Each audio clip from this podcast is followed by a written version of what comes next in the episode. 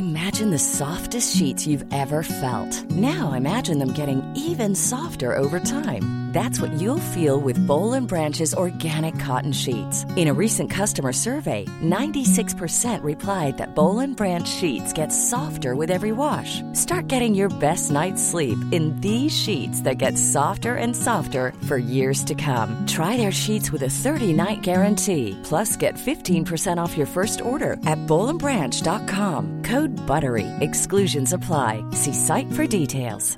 Hiring for your small business? If you're not looking for professionals on LinkedIn, you're looking in the wrong place. That's like looking for your car keys in a fish tank. LinkedIn helps you hire professionals you can't find anywhere else, even those who aren't actively searching for a new job but might be open to the perfect role. In a given month, over 70% of LinkedIn users don't even visit other leading job sites. So start looking in the right place. With LinkedIn, you can hire professionals like a professional. Post your free job on linkedin.com slash people today.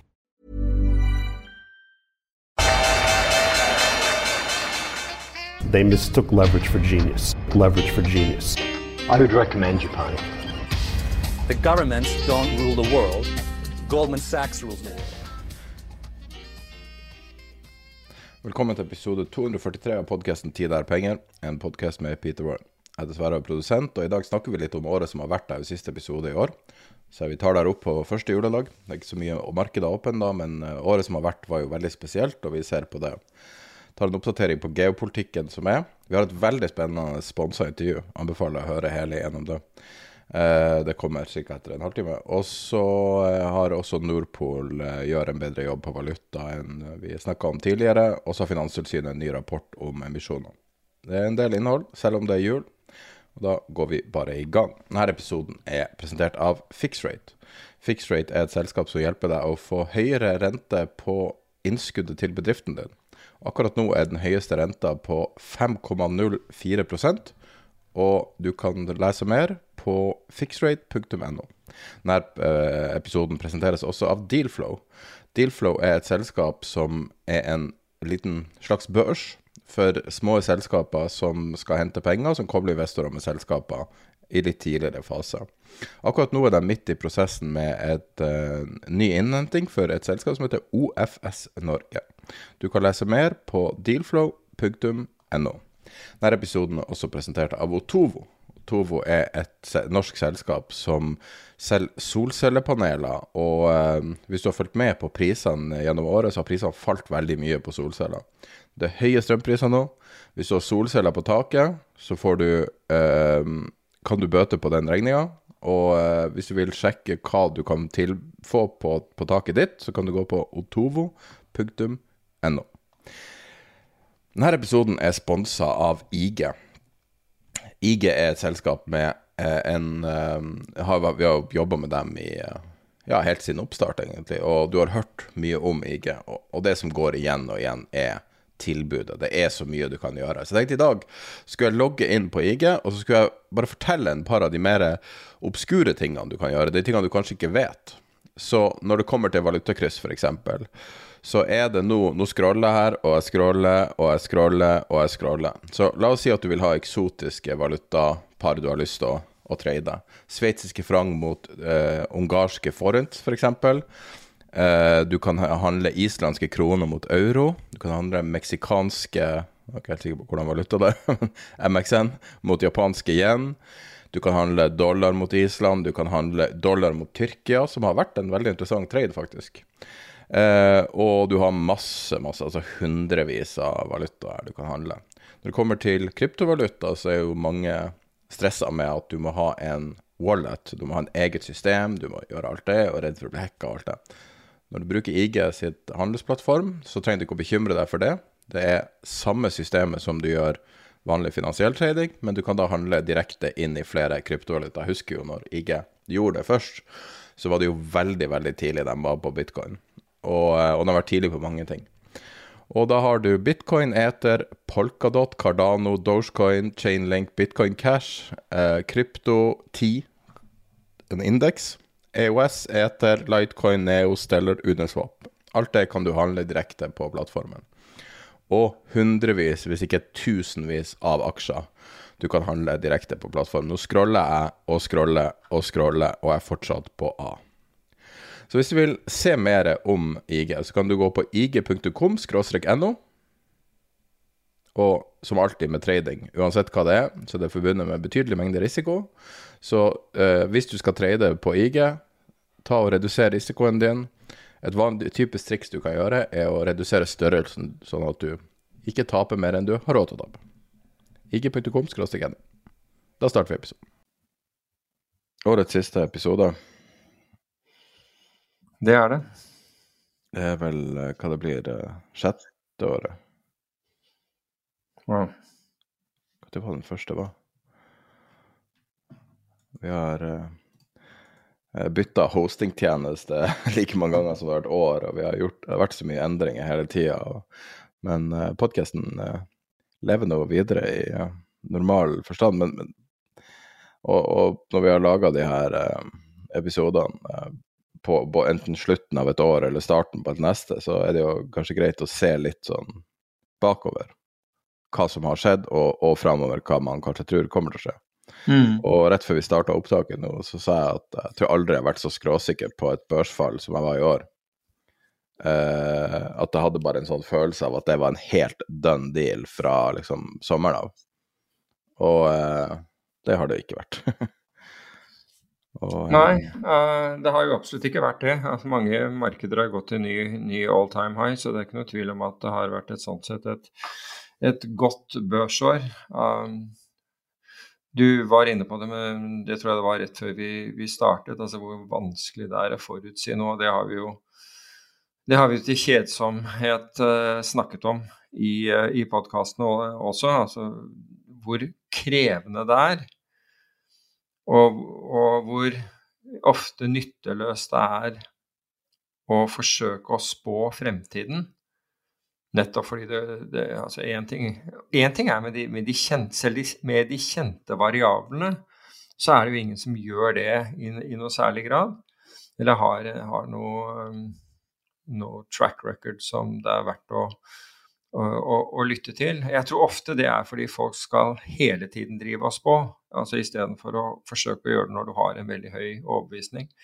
Men det andre er jo selvfølgelig at det kommer til så mye. Men hvis, hvis du tenker dette her året hvor vi, vi går, Når vi gikk inn i dette året, så har vi krig i, i Europa, altså for, i, i, Ukraina. Og siden har det utviklet seg krig i Gaza. Kina har ikke klart å, å gjenåpne sånn som man uh, man trodde og forventet. Med andre ord så har du ikke hatt den kinesiske etterspørselen. Noe som vises i råvaremarkedet, ikke sant. Fordi altså brede råvareindekser er ned, olje er ned. altså Nå snakker jeg om på, på året.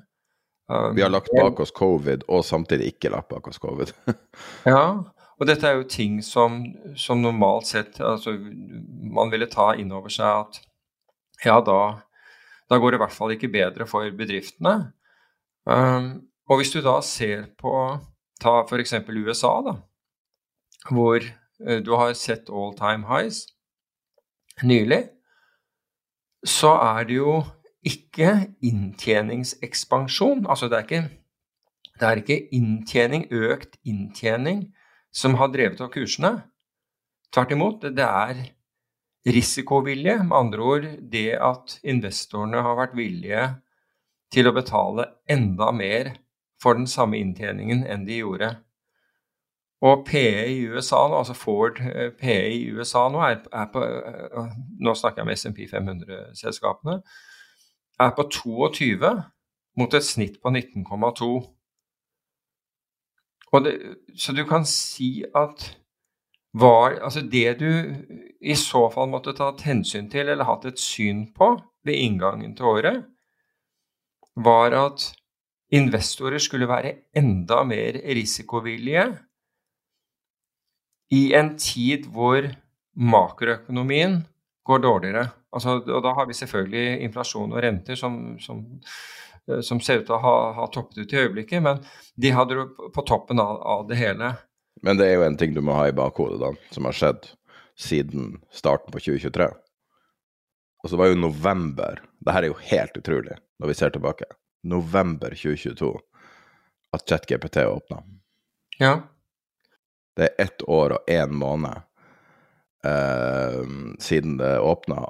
Og når du ser på årets vinnere, du ser på terminologi som er kommet inn, du ser på faktorer man vurderer, og vi snakka jo tidlig om de deflasjonære mulighetene med en GPT, eller med AI, med LLM, kall det hva du vil. Um, der det var muligheter å bytte ut kanskje en viss prosent av arbeidsstokken din, ofte litt sånn trivielle jobber. Uh, og det var jo vanskelig da å se omfanget, og i hvert fall hvor fort det skulle gå. Og se på for en powerhouse et selskap som Nvidia har blitt i løpet av det året. Det var jo et sterkt selskap før, men det har jo blitt det mest beundra selskapet på jorda, omtrent. Mm. Så, så, det og, og, og, selv når vi snakka i fjor sommer, altså da 2022, sommeren Når jeg visste det første gangen eh, Det første produktet fra OpenAI, som var den bildegenereringa, hvis du husker den episoden, mm. og hvor ufattelig lav kvalitet det var på det som blir pumpa ut, og hvor gira jeg var på det. Men som en demo var det dårlig, eh, og, og, det var liksom ikke så mye å vise fram. Men det var vel det at man kunne skrive noe, så kom det et bilde. Det var jo noe som vi aldri hadde sett før. Og i forrige uke så slapp uh, Midjourney, som er en sånn bildegenererende database, slapp versjon 6, der du har fotorealisme. Altså, det har vært fotorealisme så lenge, nå er det virkelig fotorealisme det er vanskelig å spotte at det er en LLM som står bak det, eller at det er en AI som står bak det. Så um, det er vanskelig å spå framtida. men, at, at det, de, det, det, det, som kalles Mag7, altså The Magnificent Seven av Nvidia, er, jo, er jo blant disse selskapene, uh, har mye skyld i, i spesielt oppgangen innenfor i, i oppgangen i USA. Det, det er ikke noe, noe tvil om. men men, og, og, det kan hende at AI, altså AI, generelt har hatt, men verdensindeksen er opp over 20% Så verdensindeksen for aksjer er opp over 20 Facebook er opp 270% fra bunnen i november i 2022. Ja. Um, og du har, du har, jo en del av disse uh, bitcoin, altså eller kryptotype aksjene, som er jo vesentlig mer enn det. Du har uh, ja, Nå husker jeg ikke hvor mye Galaxy er opp, men uh, Grayscale er opp nesten 360 At en del norske forvaltere, fordi det er en del nordmenn som har hatt en fantastisk reise inn, innenfor krypto. Det ble skrevet om i jeg tror det var i forrige uke. Nå arbeidet dem for det, og så ble noen forvaltere konfrontert med det, men, men de, de, de, kjøpte ikke spekulative ting.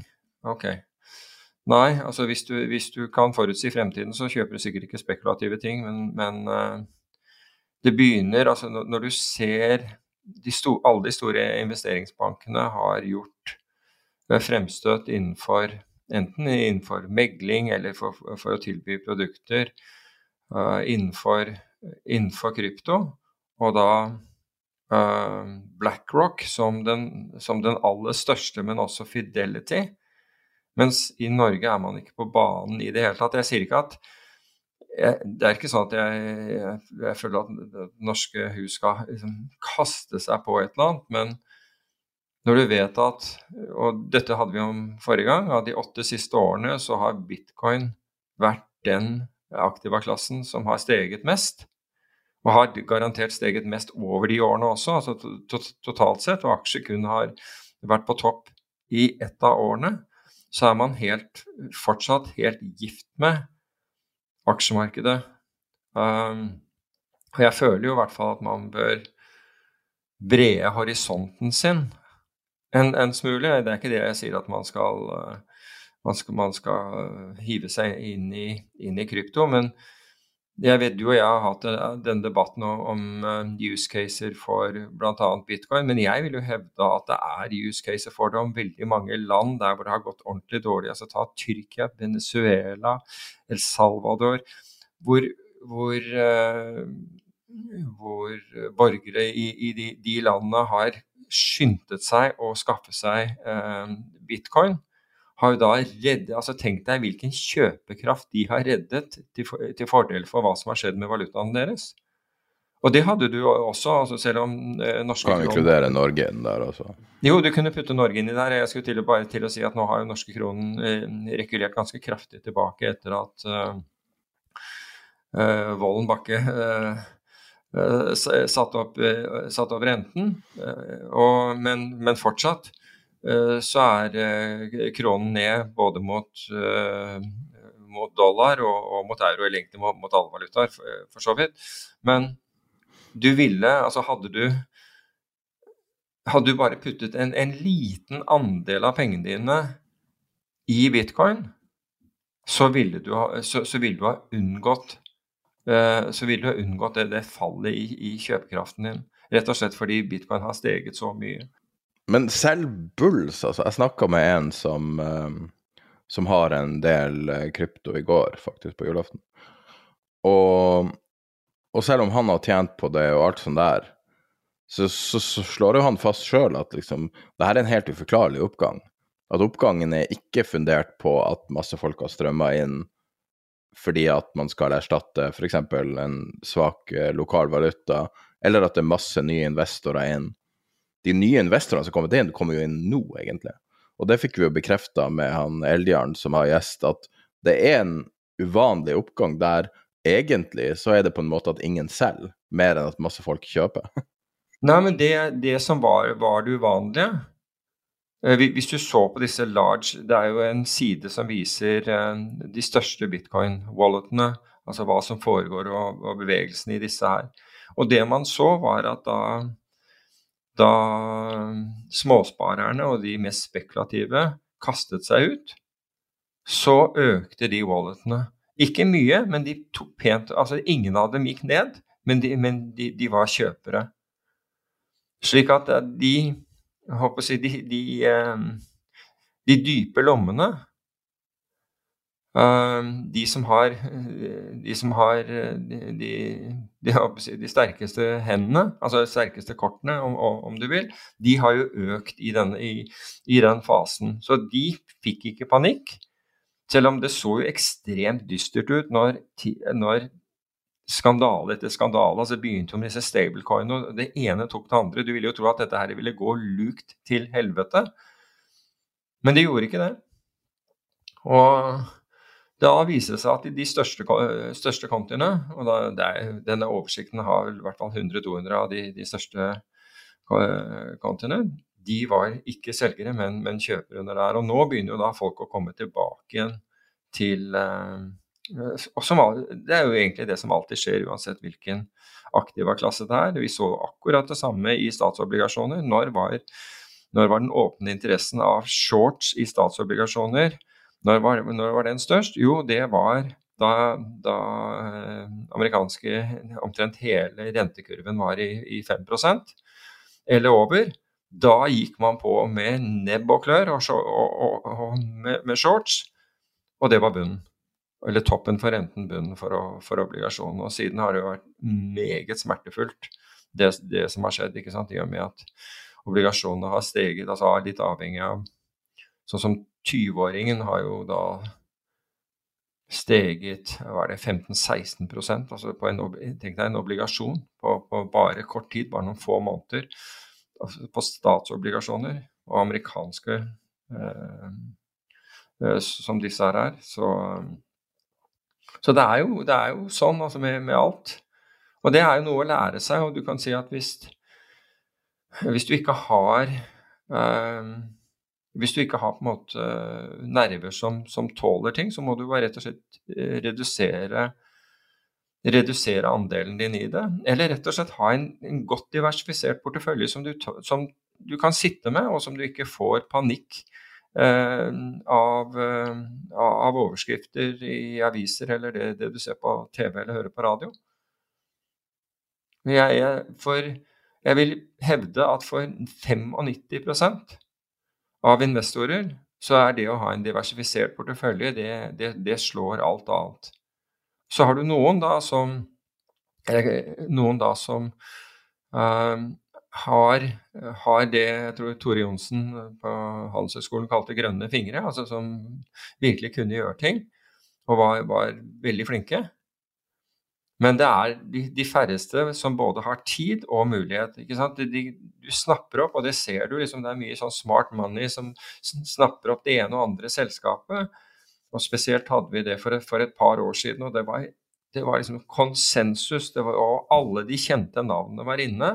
Og så ser du i dag så er disse selskapene brøkdeler av hva de var. Vil du vite hvor mye eh Robin Hood-walleta har av Dogecoin? Garantert altfor mye, men jeg vet ikke hvor mye. Over to milliarder dollar. Wow. Ja. Men det er fordelt på mange, så det er faktisk enda mer enn det. Men bare sitt og se på forskjellige walleter og hva de gjør. Mm. Så, og det er, jo, altså det er jo en sånn typisk ting som, um, som er lett å kritisere, fordi at hvis man snakker om krypto, så snakker man gjerne om de her kjernetingene, og så har du da ting som Dogecoin som ikke har de her naturlige begrensninger på antallet osv. Det som er hovedargumentene for kryptovaluta. Mm. Uh, men det viser seg jo at uh, hvis man skal liksom bedømme historien med hvem som hadde rett, altså hvem som tjente eller tapte penger, noe jeg ikke er helt sikker på er riktig måte å gjøre det på. Altså, jeg tror du kan ha rett selv om du ble bevist feil på et eller annet tidspunkt i historien. Uh, men altså Dogecoin har jo har jo um, put many people to shame med resultatene. Ja, men det er ikke det litt som disse mummitrollene også? Nå så jeg, var det noen som sa at jeg hadde falt kraftig i det siste, men, um, men, men poenget er det der å heller ha en diversifisert portefølje som du, du kan sitte med. og så Den kan jo godt være krydret med, med noe, men, uh, men konsentrerte porteføljer har altså, har jo hatt, uh, har jo hatt pro problemer. og De som var konsentrert inn i selskaper som hadde ingen inntjening altså Nå, nå fikk jo uh, den sektoren et, uh, et, nytt løft takket være AI bl.a. Altså hvis du ser den mer risikable delen av teknologisektoren. Men veldig, veldig mye av det som, som fantes der ute, har jo, har jo ikke, altså er jo bare brøkdeler av, av hva det var. Så hvis du liksom hadde en konsentrert portefølje innenfor Ta Euronex Growth-type selskaper. Det var en som ringte meg uh, like før jul uh, angående det, og en, jeg har kjent fra way back. Og, og, og ville ha noe, noe, noe, råd om Jeg sa jeg har, jeg, for det første har jeg ikke lov å gi råd, og det andre er at jeg, jeg følger jo ikke disse eh, selskapene på den måten. Jeg er en mer makroinvestor enn en mikroinvestor, men allikevel så liret han ut av seg porteføljen sin. Og det var jo bare sånne selskaper. Det var absolutt bare sånne selskaper. Det er hele porteføljen din. Og det hadde vært en katastrofe selvfølgelig i år. Helt katastrofe. Altså 90% ned, liksom? Ja, altså jeg, jeg, tror at Jeg lurer på om porteføljen hans var Jeg lurer på om han sa at den var 82 eller noe sånt noe prosent ned. Så han har kanskje gjort det bedre enn Nå har, nå har jo, har jo Oslo Børs klokelig ikke laget en, en indeks på, Pyronex Growth. Det, det er vel ikke greit for. Men, jeg, eh, jeg tenkte jeg skulle lage en syntetisk en, men jeg tenkte det var så mye jobb.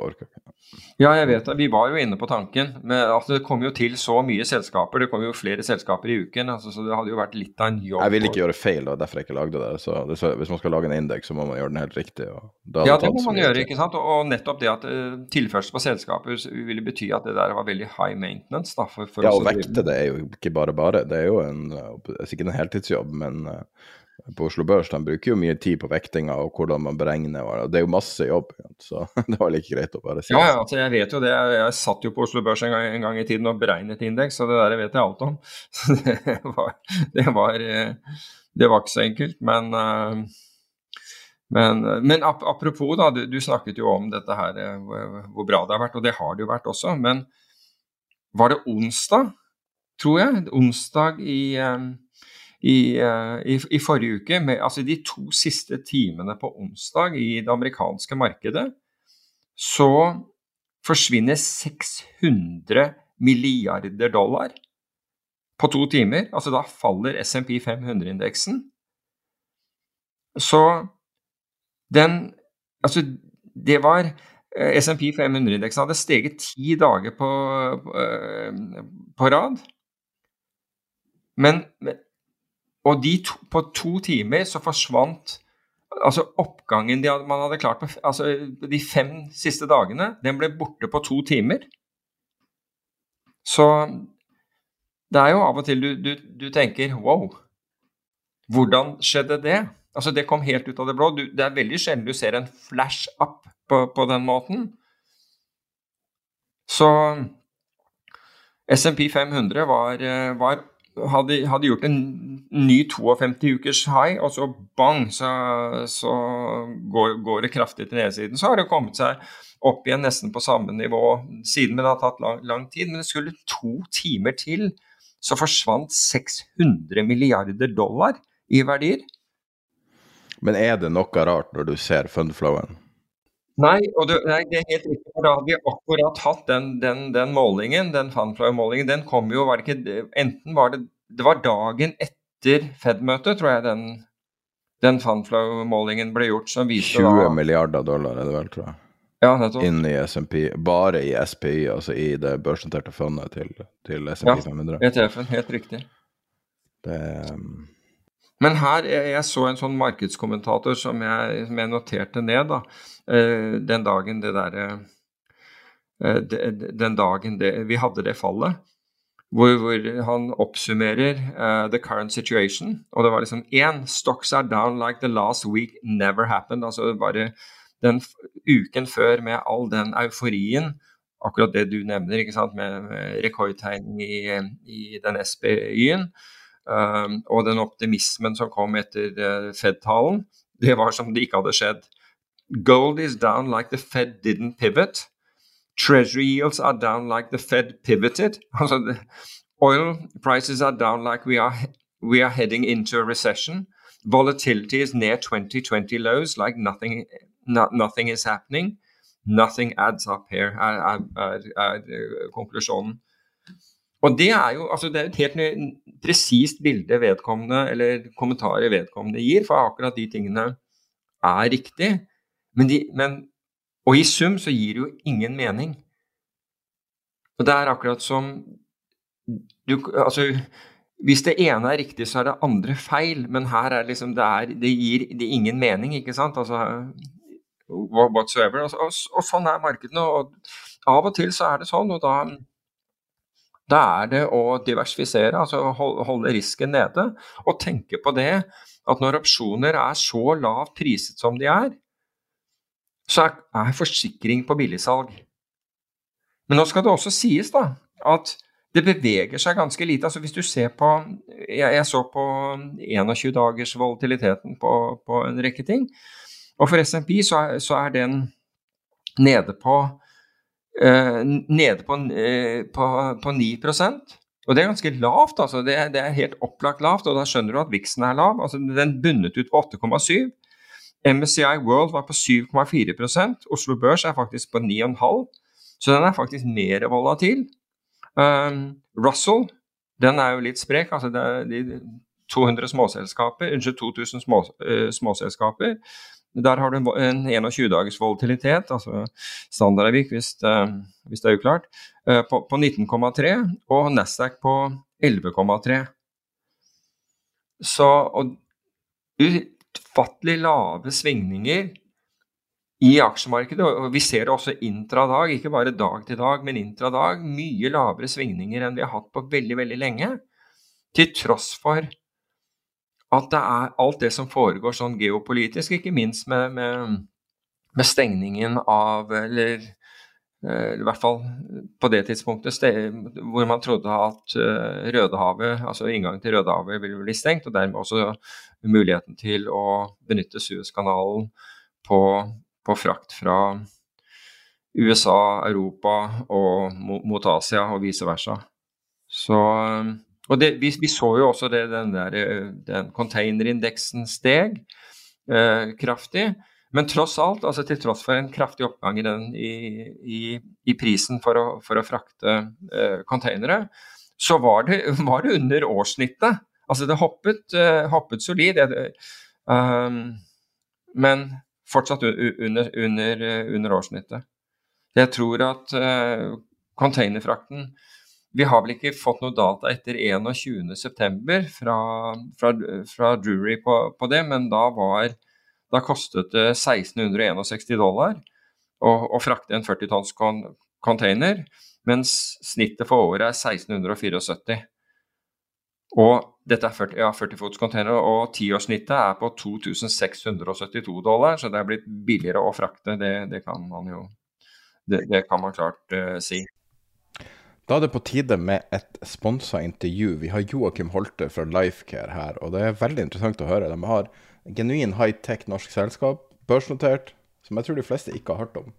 Og eh, vi oppdaga de her litt tilfeldig. Vi er interessert i fagfeltet de holder på med. Og uh, må si at de her er um, veldig interessant tech.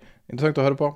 Her starter vi intervjuet, som er et kommersielt samarbeid mellom Tidar Penger og, og Lifecare. Starter nå. Det er verdt å høre på. Eller? Ja, da sitter vi her med leder av Lifecare, og eh, et selskap som på tross av en, eh, veldig bra, et veldig bra år har hatt en relativt lav profil. og og utrolig spennende teknologi også, så jeg føler at dere, det er mange grunner til å snakke om dere. Så vi sitter her med, Joakim Holter. Kan du fortelle litt hva Lifecare egentlig er for noe? Ja, det kan jeg selvfølgelig. Den korte versjonen er at vi er et eh, sensorteknologiselskap som utvikler eh, medisinske sensorer. Um, vi har et veldig sterkt fokus på glukosemåling og da det markedet som handler om personer med diabetes, men også da dyr med diabetes, som har blitt et tiltagende fokus gjennom 2023.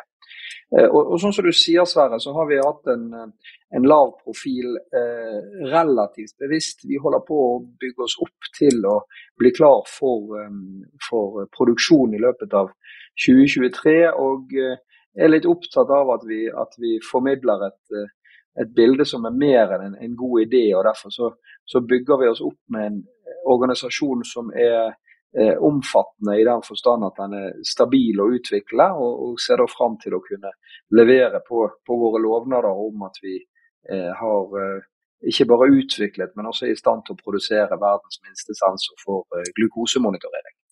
Kan vi snakke litt om, om, glukose og kontinuerlig glukosemåling? Jeg har prøvd sånn sensor du har på, på skuldra, som i dag finnes, eh, som både folk med og uten diabetes bruker for å holde styr på eh, hvordan blodsukkeret utvikler seg gjennom dagen.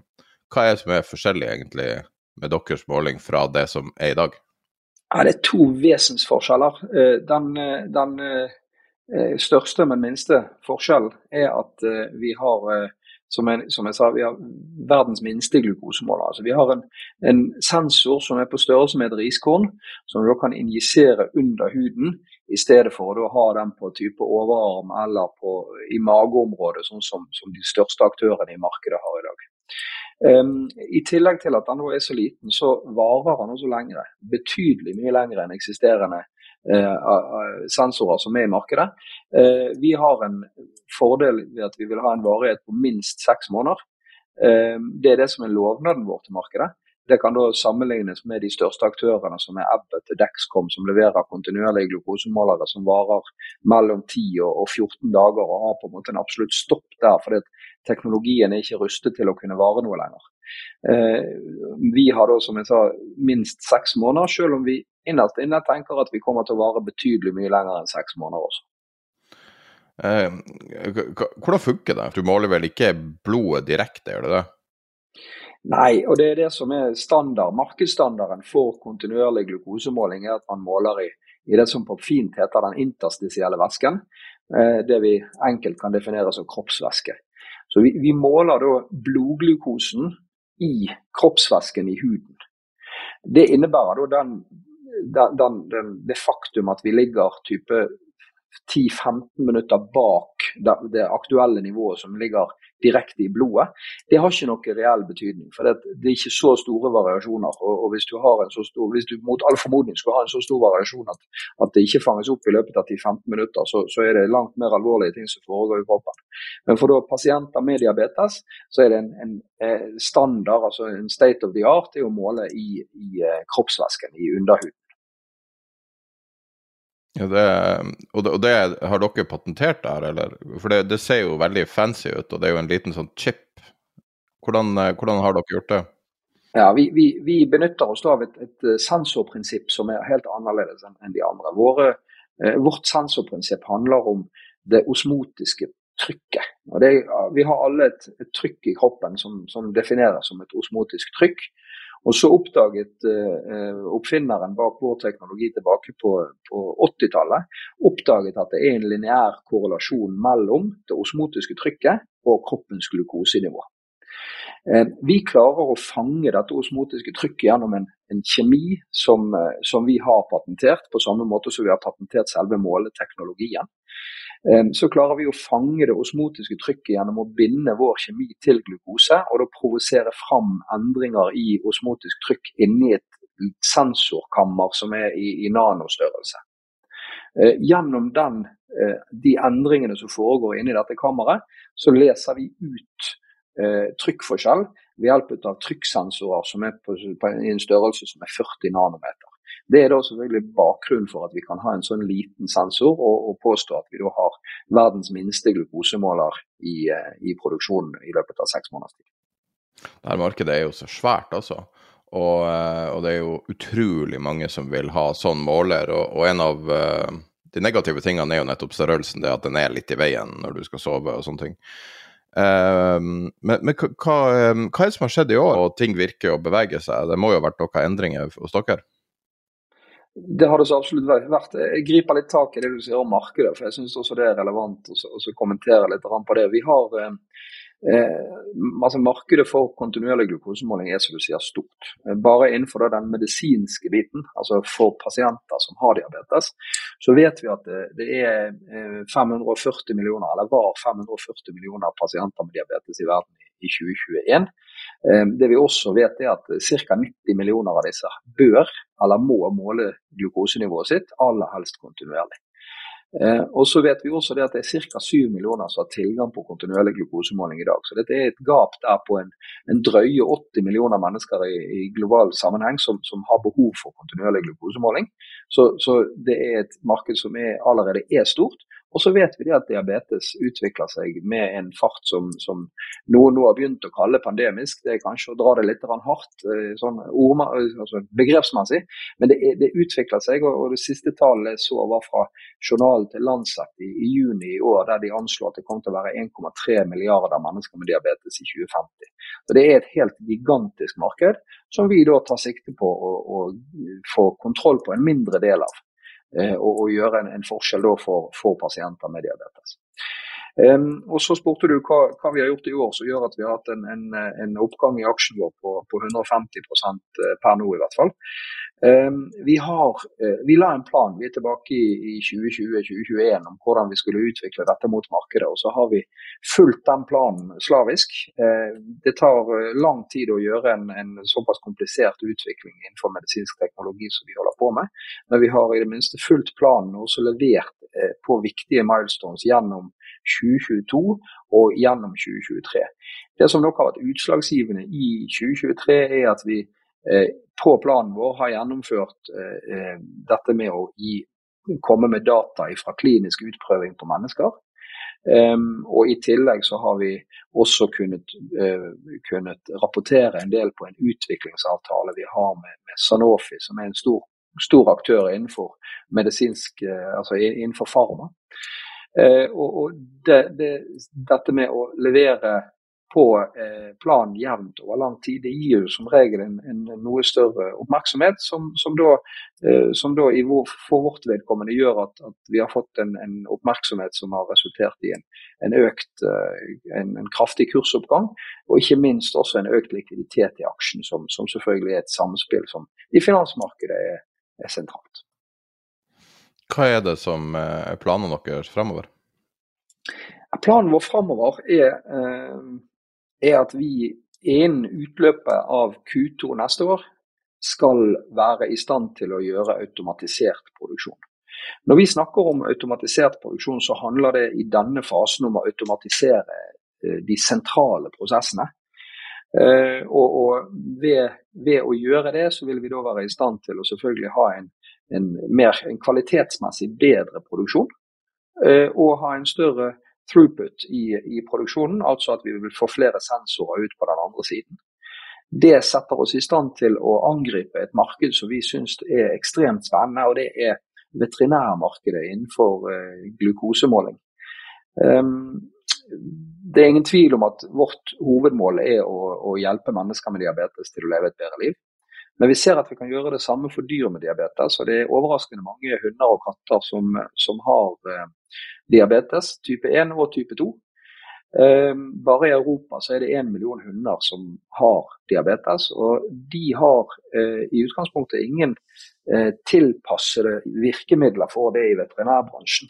Så dette store markedet er åpent fordi at det er mange kjæledyr som, som, som hvis eiere har et behov for å, å gi dem en, en regulering av diabetesen sin.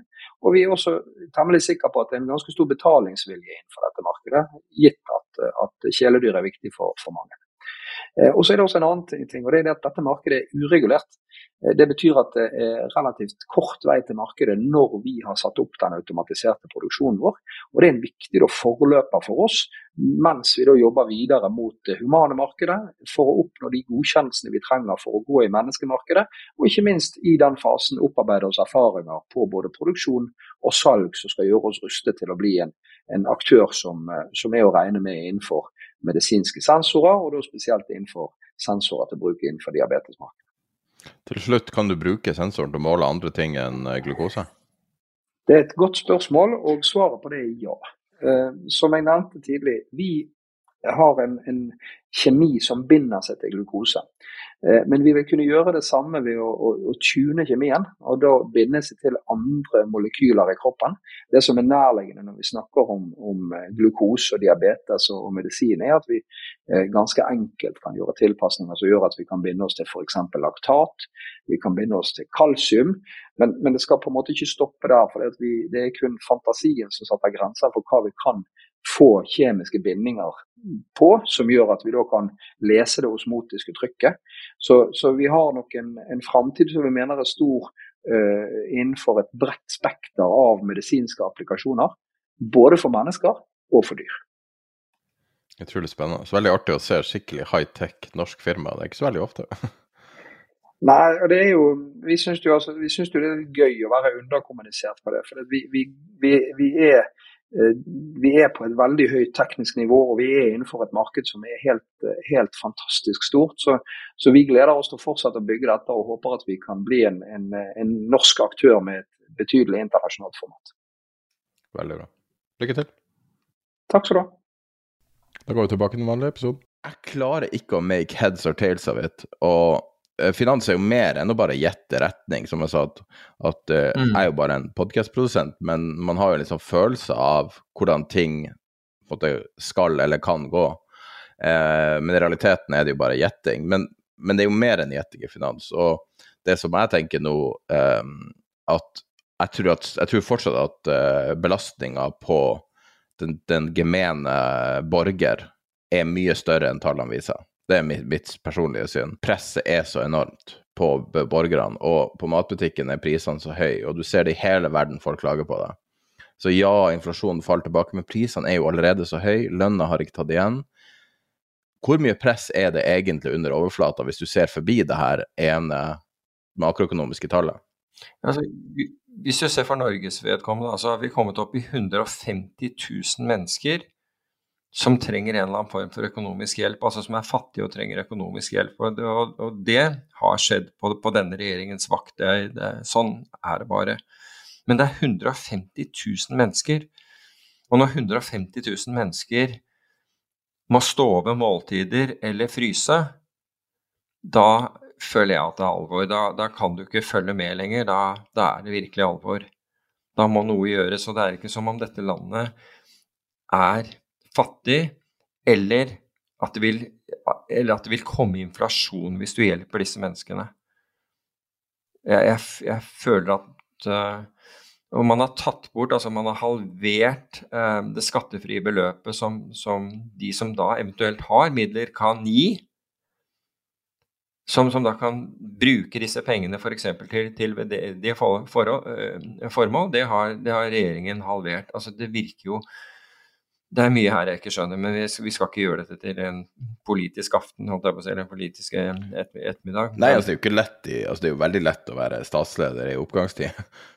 Ja, og så er det Ja, men, men så, så altså vi, vi, vi, økte avgiften på biler samtidig som uh, som alt ble dyrere, bl.a. elektriske biler, samtidig som strømprisen gikk amok. Da, da finner man Nei, da skal vi øke avgiften.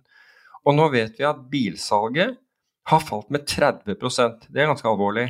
Når jeg sier 30% ned, så, så, er det det det dreier seg om.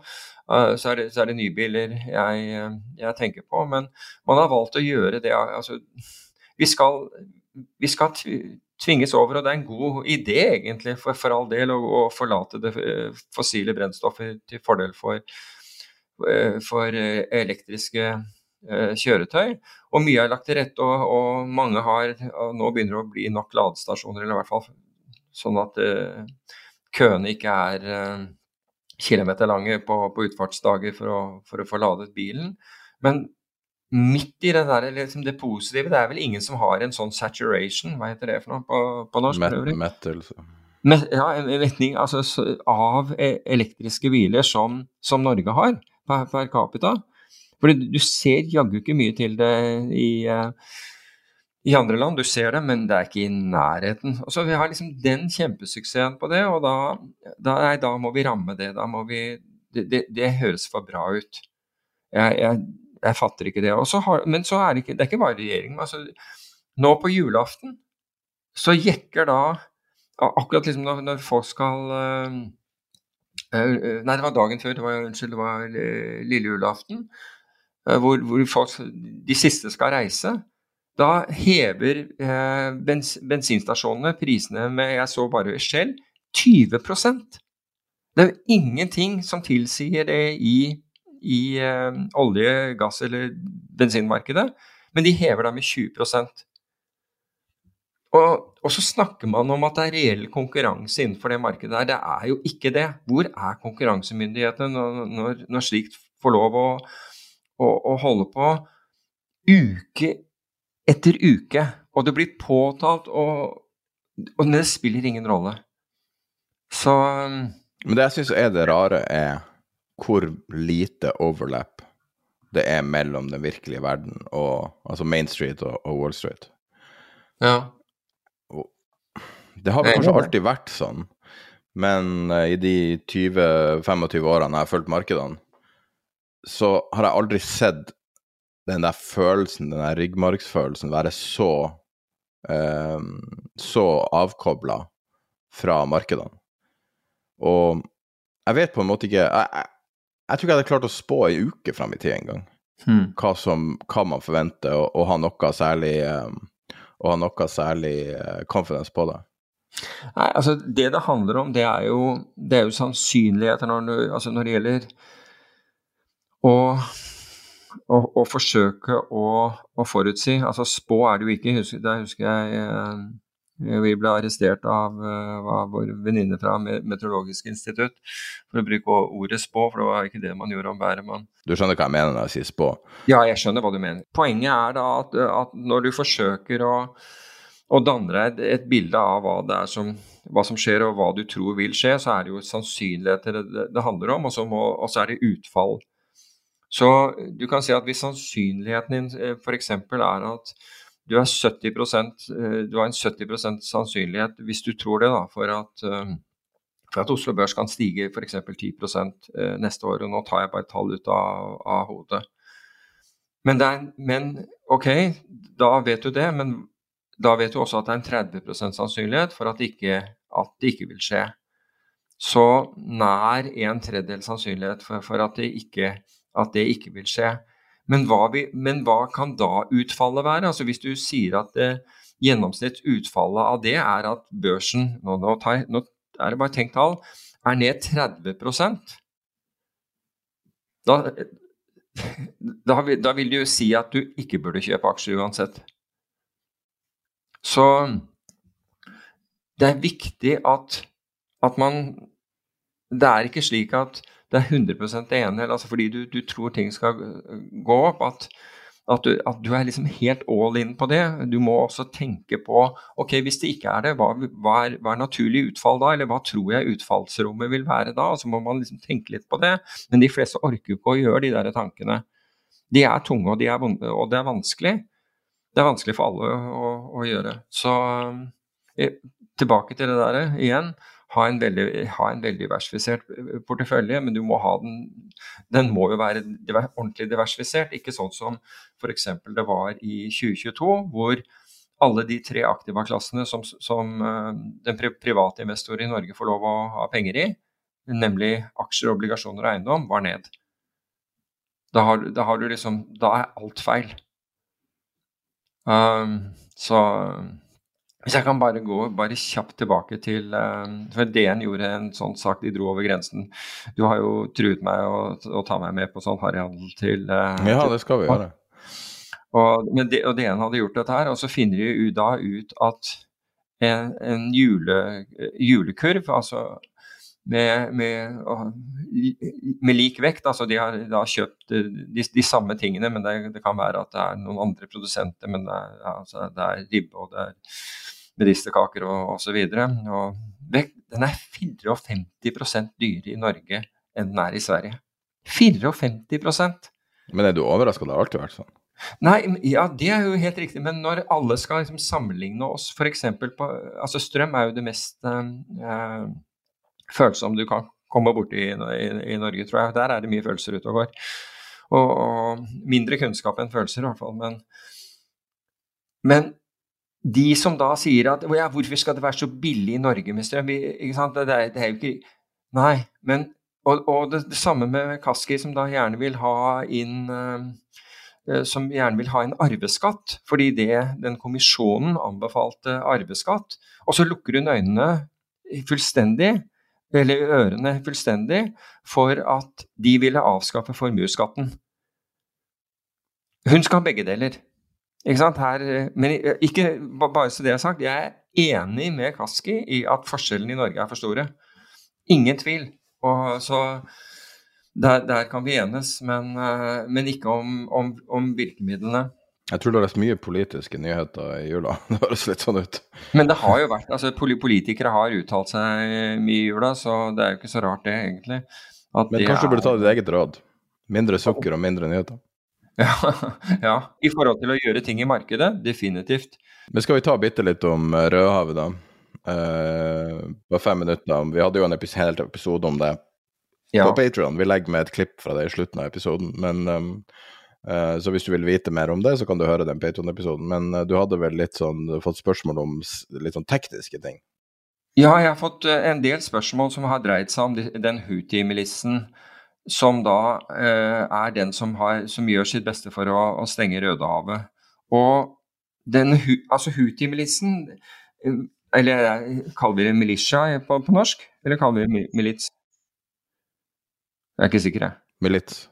Ja, milits. Ok. Houthi-militsen. Altså den, den, heter jo egentlig Ansar Allah og er shia-muslimsk. Og det henger da eh, og, og, da kan vi forstå tilknytningen bl.a. til uh, Iran, som også er shia. Bare, bare så det er sagt. Og, og det uh, noe anstrengte forholdet, for å si det forsiktig, som de har hatt med Saudi-Arabia, som er sunni. Så der, der kommer det fra. Men Houthi-milisen de kommer da fra en liten provins som ligger Altså, det er en stamme, egentlig. Dette er en, dette er en, en stamme som lever nord Hva blir det? Nordvest i Jemen. Og nesten på grensen til, til, Rødehavet. I øyeblikket så kontrollerer de på en måte grensen mot, mot Rødehavet. Men her snakker vi jo om, om et eller annet sted rundt 120 000 uh, soldater. Så dette er ikke, ikke 30-40 mann og, og en uh, med en RPG på skulderen. De har, de har faktisk fly, de har jagerfly. De har helikopter, de har luftvern og de har missiler, og veldig mye av dette her har de fått fra Det er for øvrig russisk utstyr de har. Og veldig mye har de fått fra i Iran. Så det er på en måte hva eh, hva man står overfor her. Så de har eh, tekniske eh, capabilities på norsk, husker jeg ikke, men eh, altså ferdigheter det er ikke, det, det er ikke en, en, en, ørkenstamme som på en måte bare gjemmer seg i, i ørkenen og er ganske primitiv. Den, den, er, langt, den er, langt, mer avansert eh, enn det. Og så tror jeg, og, og, og de siste nyhetene jeg, jeg, nevnte dette i forrige podkast, og jeg syns det er bekreftet av, av, nyhetene i dag. Nemlig at man ville kjøre inn sjøstridskrefter inn i området. og Det har jo da USA sagt de vil gjøre. Antageligvis er de muligens på plass allerede. Norge skal delta, og andre land. Og det er tilstrekkelig nå til at Mersk har besluttet å, seile, å, å fortsette å seile gjennom Rødehavet og Suezkanalen. For en time siden så entra to merskskip uh, Suezkanalen. Og gjorde de det? Ok, greit. Fra nord? Ja. Akkurat. Så de, de er da på vei ned mot, uh, mot, dette, dette, dette, området. Så, så det, er, det, er, på en måte den uh, situasjonen. Og det hadde jo en effekt for øvrig i, på, på shippingaksjer som, som falt ganske kraftig i, i det asiatiske markedet på, på morgenen hvor markedene ikke er, er stengt. Så, så, så, vet man det. Men så, som vi snakket om i forrige eh, episode, så, var det min, min, oppfatning at dette ville være av, av midlertidig art. Og, og, sånn ser det ut til, i hvert fall i øyeblikket, eh, eh å, å være tilfellet.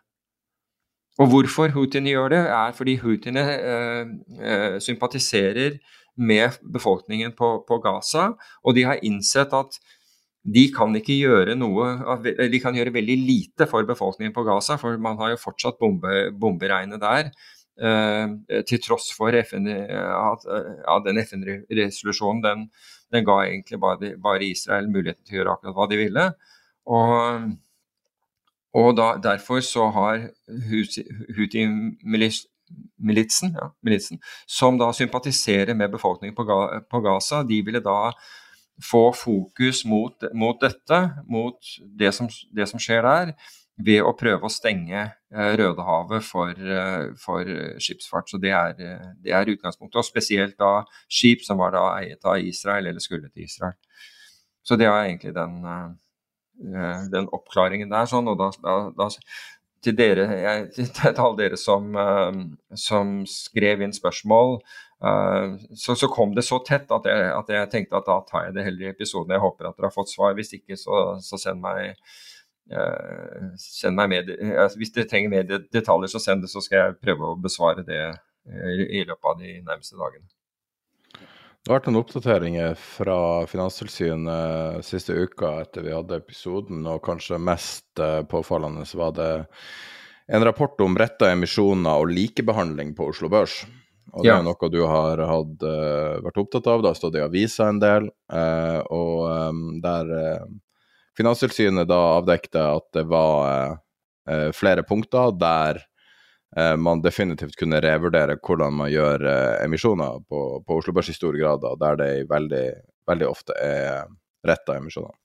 Ja, altså til, til Finanstilsynets forsvar, for jeg har brukt lang tid på dette her, så syns jeg jo at for så vidt at, det, at den rapporten var, var grundig, grundig, og den, den viser jo uh, Det var verre enn jeg trodde, fordi den, den viser at, uh, at 90% av samlet emisjonsvolum over disse tre handelsplassene, altså Oslo Børs, Euronex Expand og Euronex Growth, har vært rettede emisjoner.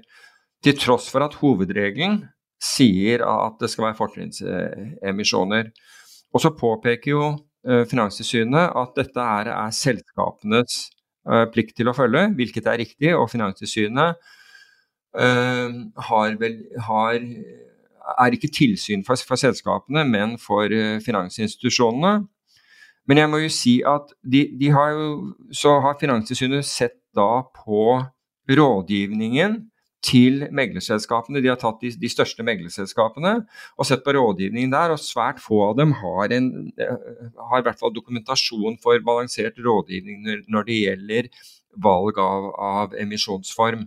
Så dokumentasjonen har vært mangelfull, og så de, de påpeker flere ting. Og så på, på, påpeker de Eh, og har undersøkt dette med innsidelister, fordi det gjør at når, eh, når er det man oppføres og, og, og, meldes inn som innsidere, og det har også vært ganske forskjellig. Og der har Finanstilsynet også rettet, rettet kritikk. Men det jeg savner i det, det er, det er, jo på en måte en konklusjon. Gjør dette her, eller vi ser at dette her, vi oppfatter at dette er brudd, eller våre retningslinjer tilsier sånn, så nå må dere gjøre sånn og sånn.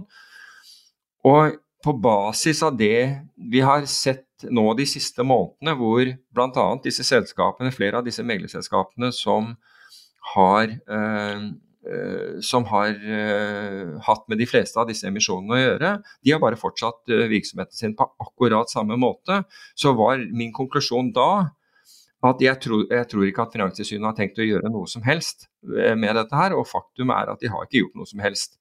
De har bare bedt de å, å ordne med litt med dokumentasjonen sin. Det er ingenting der som tilsier at noen av de selskapene tenker wow, her må vi, her må vi skifte kurs.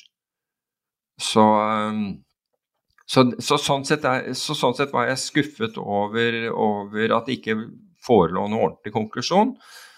Men jeg var imponert. Altså jeg, jeg, tar i hvert fall til etterretning at jeg syns at uh, arbeidet som Finanstilsynet hadde lagt, lagt, til grunn, var, uh, grundig. Så eh, Sånn som det har vært tidligere, så når Finanstilsynet tar sånne saker, så har de ofte en tendens til å følge opp sånn som de gjorde med udekka shortsalg eh, tidligere, der det ble et stort tema over lang tid.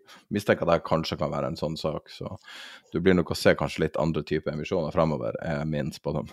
Men igjen, jeg kan ikke spå noe som helst, så gud vet. Jo, men det er, det er for lett å unngå det. fordi For alt, du, alt meglerselskapene trenger å gjøre, er, er, å ha et eller annet dokument som sier at, uh, at de, som, som, forteller alternativene, og at de har, de har snakket med når de rådgir uh, selskapene som skal ha emisjoner, uh, at de faktisk har nevnt alternativer.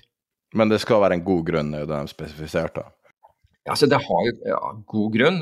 Gode grunnen er jo at meglerselskapene tjener, tjener, raskere penger på den måten. Og så, det, og, så skal det også sies at det kan bli noe, noe rimeligere også for, for selskapene å gjøre, gjøre det på den måten. Men det er på bekostning av mindre eh, mindre aksjonærer.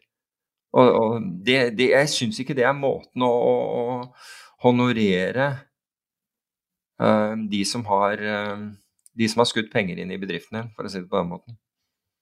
Før vi klipper inn i det intervjuet vi hadde rett før julaften om, på Patron om Rødehavet, så tenker jeg kanskje vi kan bare nevne litt en uh, Du fikk jo en liten korreksjon av en lytter om Nordpol. Ja.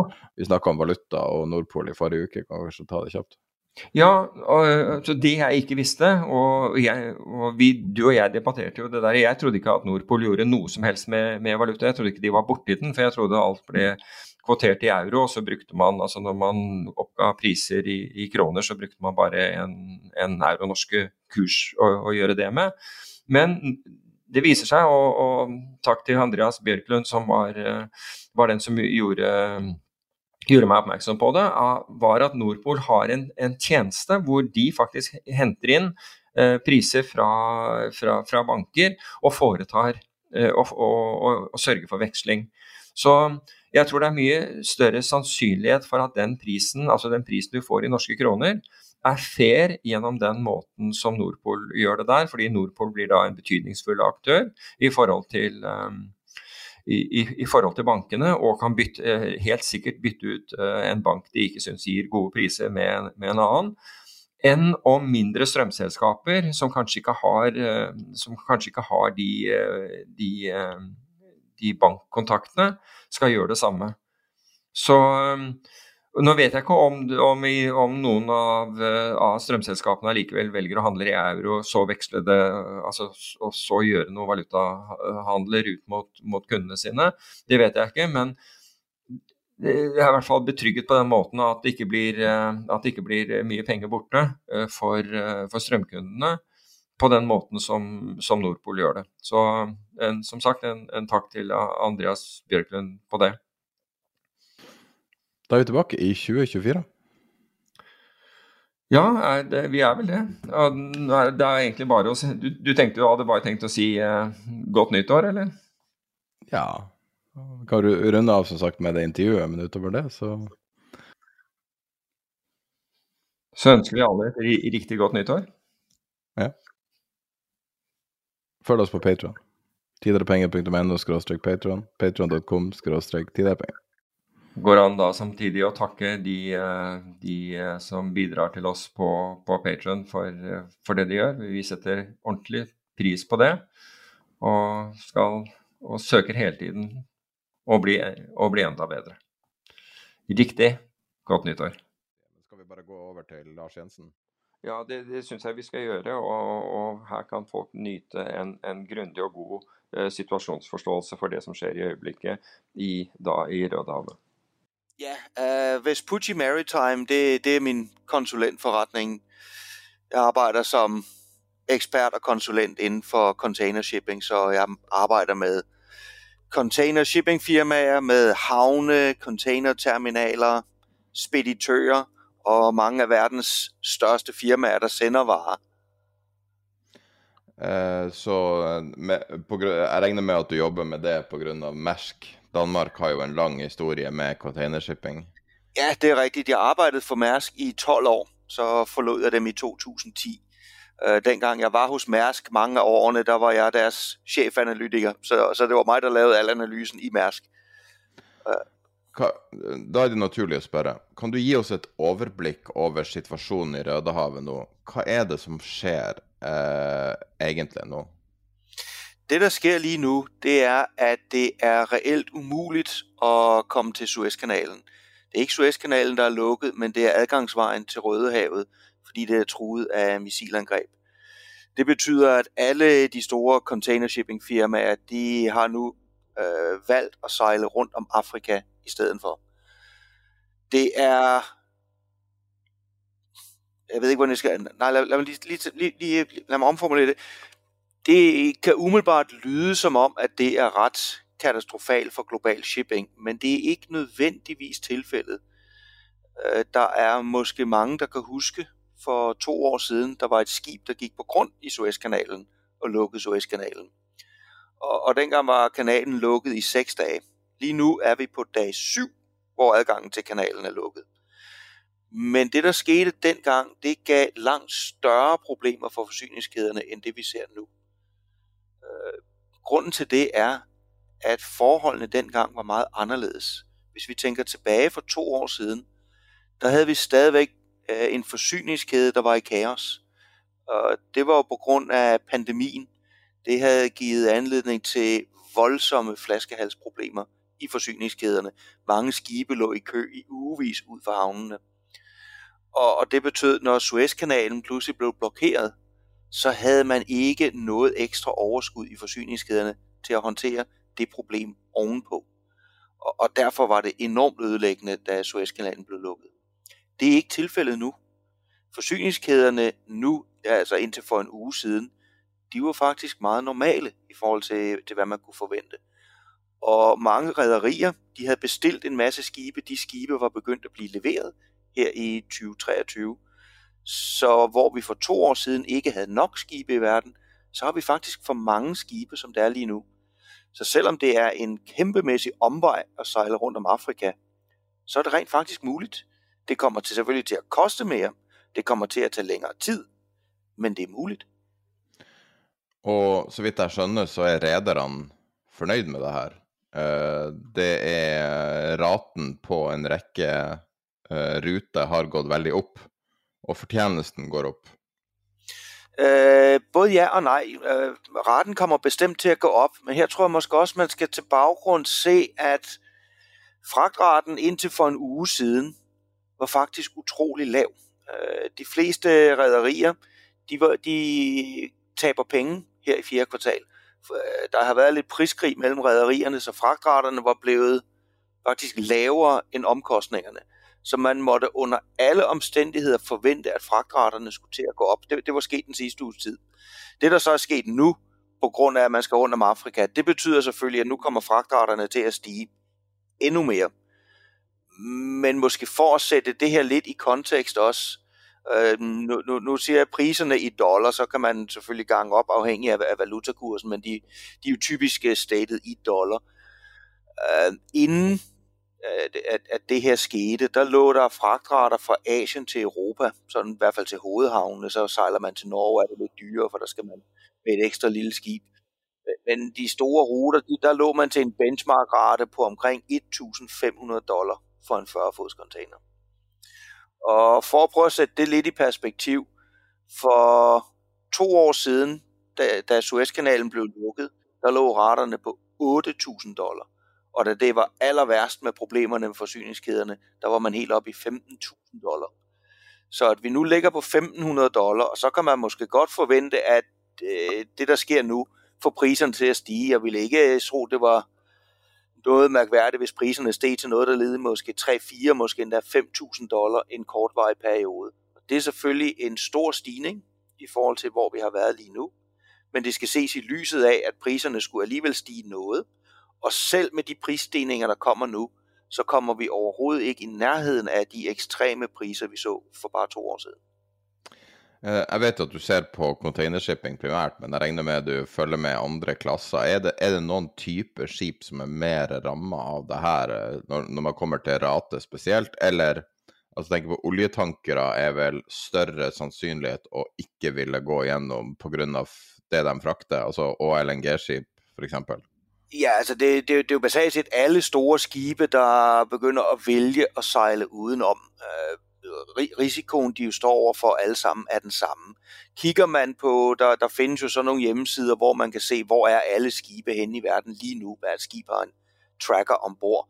Og det man kan se, det er, at store skibe, de sejler udenom. Vi så et stort olieselskab som BP jo også besluttede at sende deres skibe rundt om.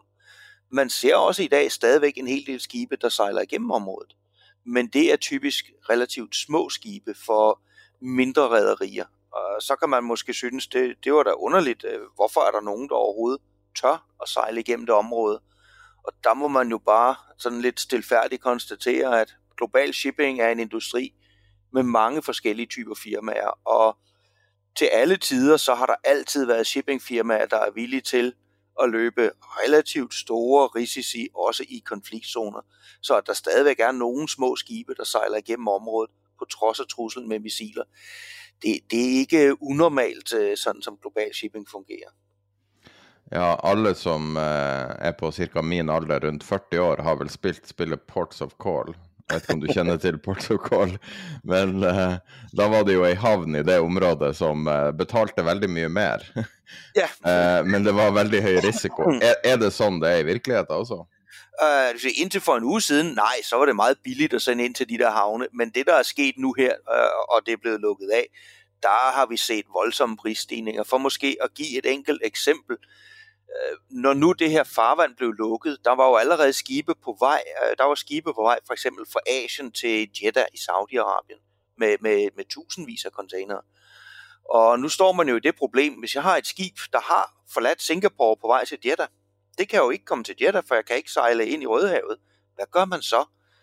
Øh, de regler, der er i shipping, og det er der nogle af shippingfirmaerne, allerede har meldt ud, det er sådan set meget simpelt. Hvis din last allerede er ombord, du har et valg. Enten så bliver din last læsset af i en helt forkert havn. Øh, hvis jeg er på vej fra Singapore til Jeddah, så vil den her last sandsynligvis blive læsset af, for eksempel i Colombo i Sri Lanka. Og så er det kundens eget problem, hvordan lasten kommer videre derfra. Alternativt, så kan man sige, jamen så må du betale noget mere, end det vi allerede har aftalt. Og franske CMA CGM meldte for eksempel ud her til deres kunder, at den last, der er ombord til havne i Rødehavet, hvis man vil have den videre, jamen hvis man har en almindelig 40-fods container, så skal man betale noget, der ligner 2.700 dollar ekstra for at få den sendt derind. For det betyder, at den container nu skal hele vejen om Afrika, og så skal den på et mindre skib ned igennem Suezkanalen og ned til havnen og 2.700 dollar, det vil sandsynligvis være noget, der er to til tre gange højere end den fragtrate, kunden allerede har betalt. Så, så kundens valg er, vil du betale 3-4 gange mere, eller vil du se din last smidt af i en havn flere tusind kilometer væk, og så er det dit eget problem at få lasten videre. Det, har det, det, det fået mareridt? det, det, på den måde er det ikke sjovt at være importør.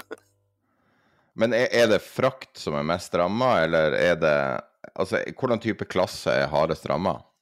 Hvordan type skip er verst ramma? Nej, jeg tror, at de fleste typer skibe har, har stort set det samme problem, vi står overfor her. Det, der, der tror jeg ikke, der er den helt store forskel.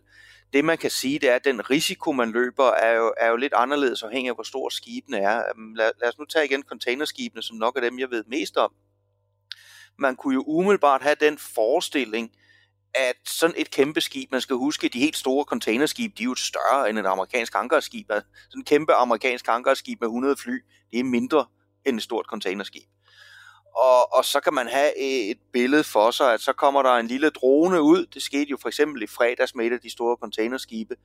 Rammer en container, starter en lille brand i en container, og en enkelt container falder over bord. Og der kunne man måske synes, det, det lyder da ikke særlig farligt. Men det, der er virkeligheden på de her helt store containerskibe, det er, når der udbryder brand i nogle af containerne. Man kan være heldig, og man kan få slukket branden. Det var også det, der skete i fredags. Man kan også være uheldig, og branden er ikke til at få under kontrol. Øh, det sker desværre nogle gange. Vi så det for fem år siden med et stort mærskib med 15.000 container ombord. Der udbrød brand i nogle af containerne, ikke fordi nogen angreb den, der udbrød bare en brand. Det sker. Og man mistede stort set hele skibet. Fem søfolk døde, og der var tab for 500 millioner dollar på grund af en lille brand, der opstod på et containerskib. Så, så den risiko, man har på de her kæmpe containerskibe er, selvom det kun er en lille drone, der måske lige ødelægger en container eller to, så først opstår brand, du risikerer at miste både dine søfolk og last for måske en milliard dollar. Så, så det er jo også en af grundene til, at de her store rædderier siger, det her det sejler vi simpelthen ikke igennem. Imagine the softest sheets you've ever felt. Now imagine them getting even softer over time. That's what you'll feel with Bowl and Branch's organic cotton sheets. In a recent customer survey, 96% replied that Bowl and Branch sheets get softer with every wash. Start getting your best night's sleep in these sheets that get softer and softer for years to come. Try their sheets with a 30-night guarantee. Plus, get 15% off your first order at bowlandbranch.com. Code BUTTERY. Exclusions apply. See site for details. Hi, I'm Daniel, founder of Pretty Litter. Did you know cats tend to hide symptoms of sickness and pain? I learned this the hard way after losing my cat, Gingy. So I created Pretty Litter, a health monitoring litter that helps detect early signs of illness by changing colors, saving you money and potentially your cat's life. Pretty Litter is veterinarian developed, and it's the easiest way to keep tabs on your fur baby's health right at home. Go to prettylitter.com and use code ACAST for 20% off your first order and a free cat toy. Terms and conditions apply. See site for details. Even when we're on a budget, we still deserve nice things. Quince is a place to scoop up stunning high end goods for 50 to 80% less than similar brands. They have buttery soft cashmere sweaters starting at $50, luxurious Italian leather bags, and so much more. Plus, Quince only works with factories that use safe, ethical, and responsible manufacturing. Get the high-end goods you'll love without the high price tag with Quince. Go to quince.com slash style for free shipping and 365-day returns.